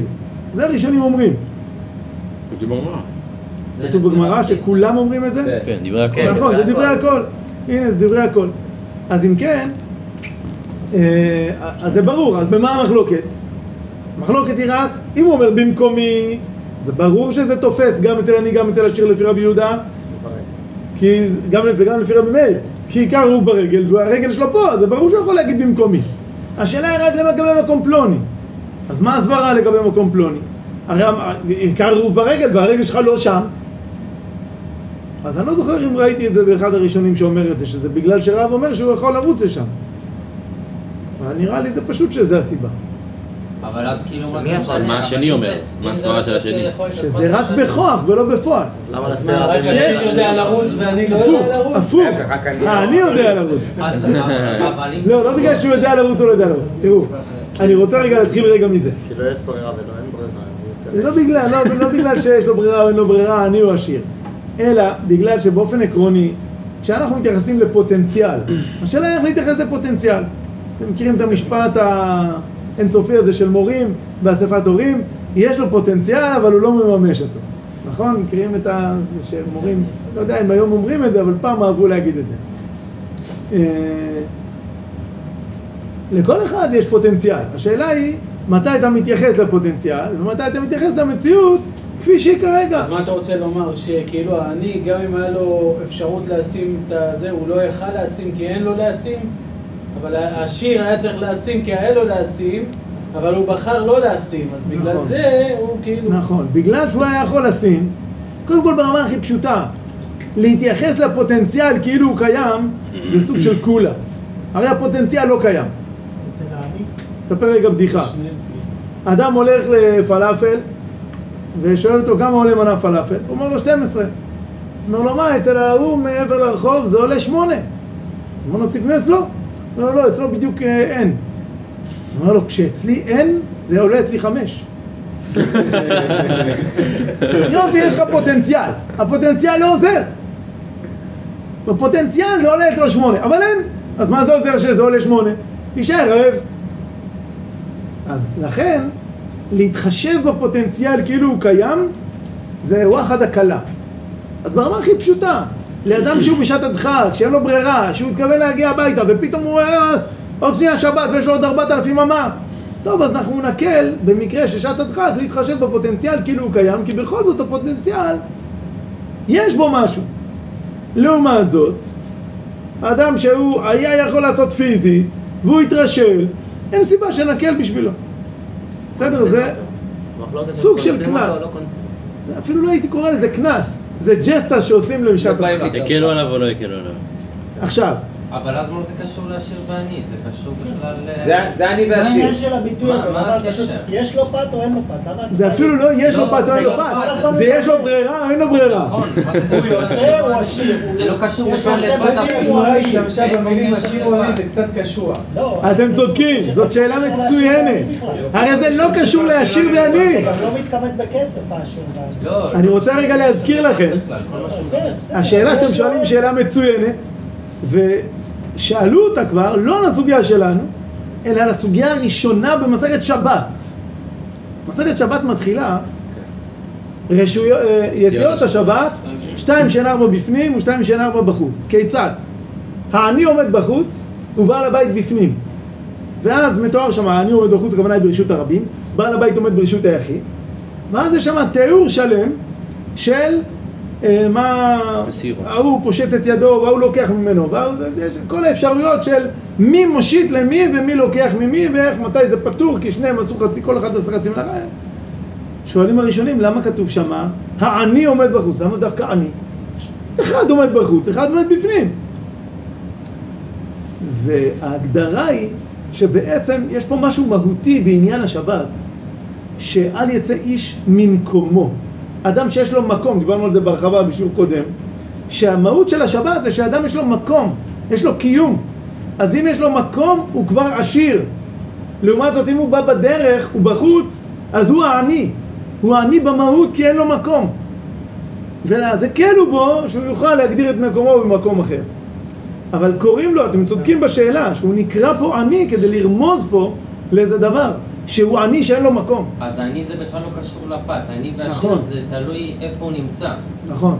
ואז... יש, אה, שאל אה, רבי צדוק, לא רבי צדוק, הרבי מקוץ, הרבי מקוץ, כאחד מגדולי החסידות, שאל פעם, כשעם ישראל היו במדבר 40 שנה, איך הם קיימו מצוות צדקה? הם- איך הם עשו חסד אחד עם השני? הרי כל אחד היה לו עומר לגולגולת מן, וזה מספיק ליום שלם. אף אחד לא עני. אז איך אפשר לקיים מצוות צדקה? אז הוא ענה, מי שהיה עשיר בדעת, עשה חסד עם מי שהיה עני בדעת. זאת אומרת, צדקה זה לא רק בכסף, אלא זה לפעמים בדעת. אדם הוא אחד, אחד הוא יותר בר דעת, אז הוא מסייע לאחרים, עוזר עליי. לאחרים. כן, סמוך עליי. בדומה לזה, יש הלכה מפורסמת בפורים, שמופיעה בירושלים במסכת מגילה, שהם מדקדקים על העניים בפורים. כל הפושט ידו, נותנים לו. נשאלת השאלה למה. הפוך, צריכים לתת מתנות לאביונים. למה אתה נותן למישהו שהוא לא אביון? אתה לא מדקדק, אז אתה עלול לתת למישהו שהוא לא אביון. סוגריים, עוד בדיחה. אתם יודעים ש... כבר מצחיק, אה, בסדר. ליטאים, זה הליטווקס, זה כינוי ל, למתנגדים לחסידות. זה לא דווקא אנשים שבאו ממדינת ליטא, אלא אנשים שהם היו המתנגדים לחסידות. באופן כללי, תנועת החסידות יותר הייתה בכיוון של אה, שמחה ורגש ותפילה ועבודת השם מתוך הרגש וכולי, והליטאים היו יותר שכלתנים, קרים ומאוד אה, מדקדקים בפרטי פרטי המצוות. אה, זה חלוקה כזאת, סתם, זה קצת סטיגמה, אבל לצורך העניין. ממילא היו צוחקים על הליטאים שהם אף פעם לא תראה אותם שמחים. אז יש לזה הרבה בדיחות, אבל לצורך העניין, לעניין של המתנות לאביונים, נספר בדיחה אחת, שפעם בפורים, ליטאי אחד פוגש ליטאי אחר, רואה אותו כולו זורח מאושר ושמחה. אומר לו, בסדר, פורים פורים, אבל מה זה העללות הזאת? מה זה החיוכים? יותר מדי חיוכים? אומר לו, אתה לא מבין. מצאתי אביון שלכל הדעות הוא אביון. האדם כזה, קיימתי, אני שמח, לא חלילה בשמחת פורים. אני שמח בזה שקיימתי את המצווה בהידור עצום. מצאתי אביון שממש אין לו כלום ושום דבר. אז הוא אומר לו, וואי, איזה כיף. תראה לי אותו גם, שאני גם אתן לו מתנות לאבנים. הוא אומר לו, לא, אני שומר אותו לשנה הבאה. והאמת היא שההלכה אומרת שלא צריך לחפש דווקא, למה סיפרתי את הסיפור, את הבדיחה? כי גם, כי, כי זה כיף לספר בדיחות, אבל גם כי זה קשור. כי בפורים לא באמת צריך לחפש דווקא את האביון הגדול ביותר שהוא באמת הכי נזקק. כל הפושט ידו ליטול, נותנים לו. למה? מה ההיגיון בזה? אז שמעתי הסבר לזה מהרב ויצמן, הרב שואל ויצמן, ראש שבעת מעלות. מורי ורבי וחותני. אז הוא, אה, הוא הסביר שבעצם בפורים זה לא מצווה לתת צדקה למישהו עני בכסף, אלא למישהו עני בשמחה. המצווה היא ביום הזה לשמוח. מי שפושט ידו, יכול להיות שהוא באמת רמאי, יכול להיות שבאמת הוא עשיר, אבל מה בטוח חסר לו? שמחה. שמחה בטוח חסר לו, אם הוא פושט ידו ליטול. ולכן, אתה יכול לתת לו ולקיים בזה בהידור מצוות מתנות לאביונים, כי הוא אביון בשמחה. אז לכן, אני מביא את זה בהקשר הזה של עני, הוא לא בהכרח אדם שאין לו. האדם הזה יש לו עושר מופלג בבית, אבל כרגע הוא בדרך. הוא עני במקום. אין לו קיום, אין לו מקום, אין לו שביתה. אז במצב כזה, התירו לו לקבוע את שביתתו במקום פלוני, בעיקרו של האילן וכדומה. זה כמו שאתה בחו"ל ואתה רוצה לעשות שם שבת ואין לך מסעדות כשרות ואין לך זה ואין אם אתה בחו"ל זה כבר אומר שאתה פתאום עשיר. הכסף שלך לא שווה כלום. הפוך. אתה בחו"ל עיקר אם אתה בחו"ל זה כבר אומר שאתה חב"ד. עני. כן, בקדושת אחרי שאתה ארץ ישראל. כן. זה נראה כאילו התורה, גם בדוגמאות האחרות שלה, שהתורה בכוונה מדברת במושגים של עני ועשיר כל פעם במושג אחר, כדי שנדע שזה לא הגדרה מוחלטת עני או עשיר, אלא... נכון. דרך אגב, הייתי פעם. באיזה קורס, יש יהודי בשם גיל אורלי, לא יודע אם שמעתם עליו? כן. הוא אה, כלכלן, והוא עושה כל מיני קורסים אה, להדיוטות, לאנשים שהם לא כלכלנים, על כל מיני תחומים של כלכלה, גם על אה, כלכלת הבית, על ביטוחים, על פנסיות, על כל מיני דברים שהדיוטות לא תמיד מבינים בזה.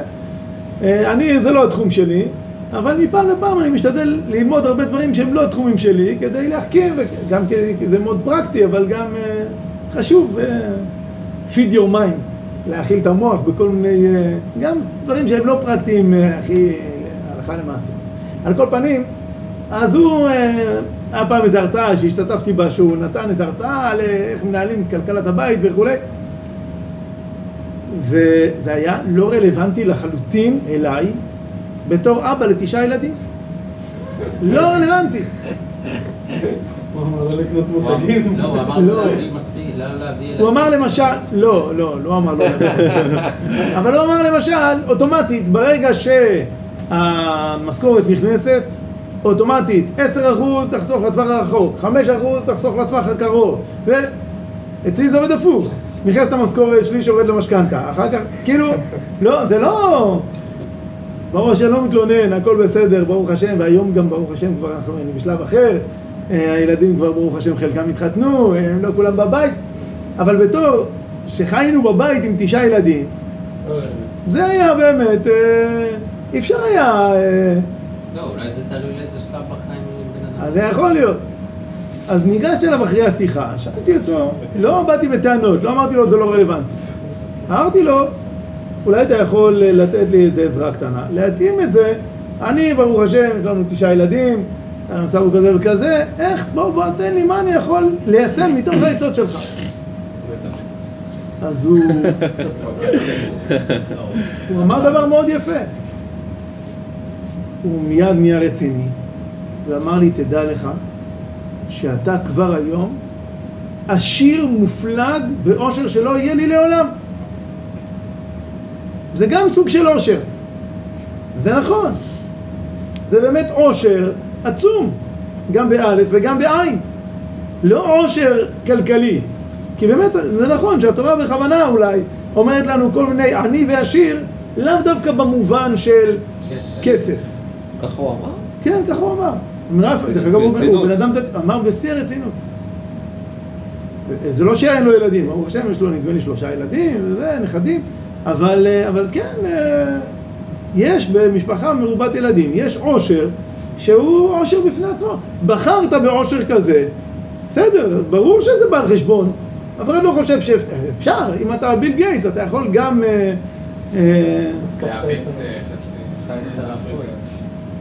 לפחות תיאורטית אתה יכול. מעשית יכול להיות שזה לא עובד. על כל פנים. פוטנציאל. כן, בפוטנציאל. אז זה, רגע דיברנו על הנושא של ה... עד עכשיו דיברנו על שני נושאים. אחד על הבכוח ובפועל, ואחד על העשיר והעני. אני רוצה רגע לחזור לדברי רב נחמן, שבסוף הלכה כמותו. אמנם הלכה כדברי רבי יהודה, על פי רב נחמן, אבל אה, שרב יהודה בעצם אומר שרק לעני אנחנו מקלים להתחשב ב- בכוח, אבל אבל רב נחמן מסביר את המחלוקת ברמה העקרונית האם עיקר עירוב בפת או עיקר עירוב ברגל, נכון? אז קצת ניסיתי לעיין בדבר הזה מצאתי כמה דברים שהיו נראים לי קשורים. אחד,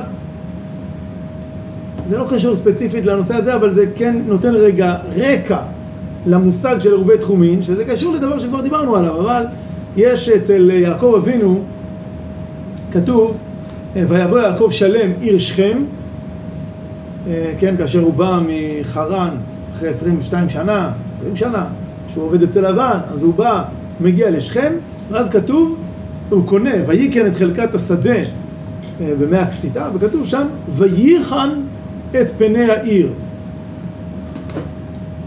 אז מה זה וייחן את פני העיר? המדרש מביא כמה דברים, אפשרות אחת מלשון חן, חנן את האנשים המכובדים בעיר, התחיל לשלוח להם דורונות אה, וכולי. יש אה, בגמרא כתוב שהוא תיקן להם אה, מר- מרח- מרחץ, תיקן להם מטבע, מטבע תיקן להם, מרחץ תיקן להם, יש כל מיני, עשה שם כל מיני דברים לטוב, לטובת העניין. במדרש כתוב, בבראשית רבה, פרשה ע"ט סימן ו', וייחן את פני העיר, נכנס בערב שבת עם דמדומי חמה מבעוד יום וקבע תחומין מבעוד יום. עירוב? תחומין, לא עירוב תחומין, הוא קבע תחומין, אין הכוונה שהוא הלך ושם במרחק אלפיים אמה איזשהו אה, פת. אלא. הכוונה היא שעצם זה שהוא נכנס לעיר מבעוד יום כדי לקבוע את שביתתו בעיר ואז הוא קובע את התחומים. יש- קבע תחומים יש מבעוד תהליך יום. של למדוד את התחום ולשים... אז יש תהליך כזה שאפשר ממש למדוד את התחום וכולי. הנתיבות שלום על פרשת וישלח אומר שהוא הוא מקשר את זה למשהו יותר רחב שבאמת יעקב נכנס לארץ ישראל בדיוק בערב שבת שזה בדיוק, כן, על פי המדרש הזה אז זה בדיוק החיבור בין קודש לחול ויעקב זה בדיוק העניין שלו של חיבור בין קודש לחול ו... וארץ ישראל כמובן זה חיבור של קודש לחול הוא מעריך בדבר הזה ואז הוא אומר וזה מרומז במה שכתבה התורה הקדושה, שמירת שבת אצל יעקב, דווקא בעניין תחומין. שמה העניין של תחומין? הרחבת גבול הקדושה. ובשבת נאמר, על יצא איש ממקומו. וגבול השבת עד אלפיים אמה.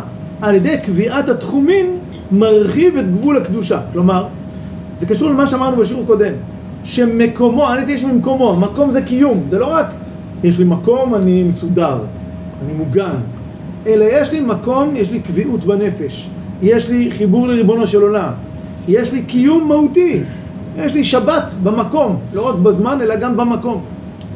וכאשר אדם קובע שביתה, לא שיש לו רק 400, אז הוא איזה, כמו איזה תלוי בחלל האוויר, אלא הוא קבע שביתה ויש לו אלפיים אמה לכל רוח, אז הוא מרחיב את גבול הקדושה.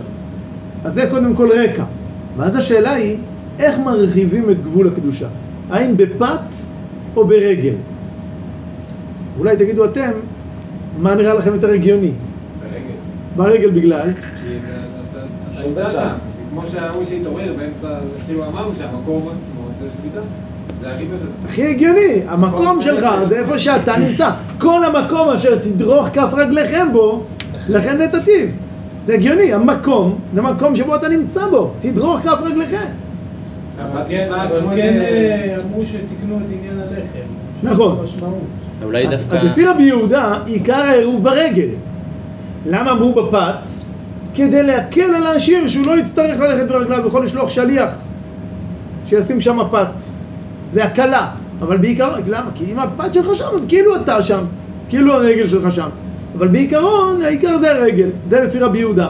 רבי יהודה באופן כללי, תמיד הולך, הפער בין רבי יהודה לרבי מאיר, דיברנו על זה פעם, שדיברנו על אחד הכללים ההלכתיים, שרבי מאיר ורבי יהודה הלכה כרבי יהודה תמיד. למה? כי רבי מאיר לא יכלו חכמים לעמוד על סוף דעתו, הוא אמר דברים כאלה עמוקים שקשה היה לעמוד על סוף דעתו. ופה אומר רבי מאיר, עיקר העירוב בפת. אז חיפשתי על זה, מצאתי משהו בליקוטי הלכות. ליקוטי הלכות שכתב רבי נתן מנמירוב, תלמידו של רבי נחמן מברסלב. רבי נחמן זה בדיוק. רב נחמן, כן. אז אה, רבי נחמן מברסלב, אה, יותר נכון, תלמידו, רבי נתן, כותב,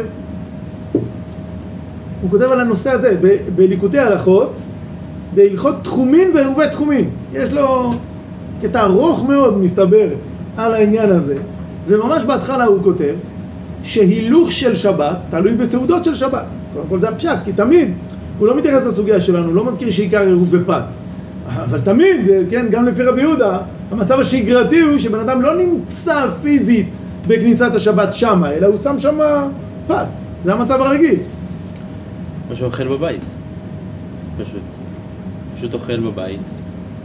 שם אז הוא זה שובת. קובע, אבל אם הוא רוצה עירוב תחומין, אז הוא שם פת במרחק אלפיים אמה. לא, רבי יהודה אומר שזה רק כולה, לעשיר. כן, אבל זה המצב הרגיל. רבי יהודה לא בדרך כלל. בן אדם ככה עושה. מה בדרך כלל קורה?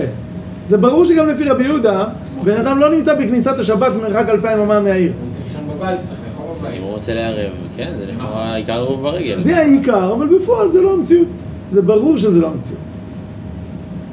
אנחנו בדף אה, נכנסים כאילו, נכנסנו למסכת באמצע, אבל אה, אתה למדת את כן, המסכת מההתחלה, לא? בפרק שלישי. עם זה- פרק שלישי. זה ברור לחלוטין שבדרך כלל מערבים על ידי. זה רק שנייה, הזאת. שנייה, אני רוצה רגע, נכון, אני רוצה רגע להגיד את המשך הדברים. אומר, אומר אה, רבי נתן, כי שבת הוא בחינת המשכת חיים לתוך המלכות. יש בספירות של ספירות הקבלה, המלכות זה הספירה התחתונה ביותר, שהיא בעצם מבטאת את ענייני העולם הזה. העולם הזה, עולם העשייה, העולם הגשמי, הוא נקרא, כן, קצת אני מקשיב. מפשט את זה, אבל, אה, אבל בגדול, המלכות זה הספירה הכי תחתונה, וזה כי יש הרבה הרבה עולמות נסתרים מהעולם שלנו. הרמה הכי הכי נמוכה במלכות זה העולם שלנו. למה זה נקרא מלכות? כי בעצם הקדוש ברוך הוא מולך בעולם, אבל לא רואים את זה בפועל. אתה לא, סתם ככה אתה הולך בעולם, אתה לא רואה את מלכות השם. בדרך כלל אתה רואה בעולם כאוס, אתה רואה בלאגן, אתה רואה עוולות. אתה רואה רוע, אתה רואה אנרכיסטים. כן, חזרנו למה שפתחנו. אז, אה, אז השבת הוא בחינת המשכת החיים לתוך המלכות. תואמי החיים זכו. ולכן בשבת ניתנה התורה. זה, יש אה, מחלוקת באיזה תאריך ניתנה התורה, ו' או ז' בסיוון, ולכל הדעות זה היה בשבת. למה דווקא בשבת? כי שבת, שבת זה עניינה של לקחת את הקדושה ולהוריד אותה לחיים. נתינת התורה, זה התורה הייתה קיימת עוד לפני שהקדוש ברוך הוא נתן אותה, אבל כאן הוא נותן אותה, מוריד אותה לתוך החיים, וזה עניין בעצם של השבת. ולכן, וקראת לשבת עונג, כי ה... על ידי העונג ממשיכים את החיים אל תוך המציאות. הוא, הוא דורש את זה גם עונג בבחינת של תורה, עונג ראשי תיבות, עדן, נהר, גן. ונהר יוצא מעדן להשקות את הגן. אז הוא גם מחבר את זה לקראת על השבת עונג, זה בעצם להתחיל מגן עדן העליון ומהעדן אל הנהר, אל הגן עדן, ובעצם להגיע אל העולם שלנו. אז זה קצת כדרכו של רבי נתן ורבי נחמן, זה קצת אה, על דרך הרמז והרבה הרבה משלים, אבל בעצם הרעיון הגדול הוא לקחת עוצמות של קדושה ולהביא אותם לתוך החיים. זה הרעיון של שבת בכלל. ואז הוא אומר, וזה בחינת תחומים, שאסור לצאת בשבת חוץ לתחום. כי כל העניין של התחום, שיש גבול, זה בעצם המושג של לקחת דברים גדולים, רעיונות גדולים, קדושה גדולה, ולהוריד אותה לחיים זה להוריד אותה לתוך גבול. למשל, איש ואישה אוהבים זה את זה אהבה מופלאה. נפלא, אבל במה זה בא לידי ביטוי? בסוף זה צריך לחול בזה שהם בונים בית ביחד, ומישהו צריך לשטוף רצפה, ומישהו לבשל, ומישהו להוריד את הפח, שמתי, שאמרתי, שמתי לב שאמרתי הכל בשון זכר, זה הכל אתה צריך לעשות. לא, לא משנה. ברור שבסוף יש, יש איזשהו כלי, איזה משהו גשמי בעולם הזה, שבו חלה האהבה הגדולה הזאת. וזה כל הרעיון של התורה, קדושה זה לא רק, בנצרות להבדיל אלפי הבדלות, אז אצלם שיהיה חמלה ואהבה ולתת הלחי השנייה, ו- ומוותרים על המצוות המעשיות. התורה לא מוותרת על מצוות מעשיות, כי המצוות המעשיות זה בעצם הכלי המוגבל, הגבולי, שבו נכנסת הקדושה. אז השבת צריך שיהיה לה מקום עם גבול. מצד שני, צריך להרחיב את הגבול, לקבוע את התחום, זה הרחבת הגבול.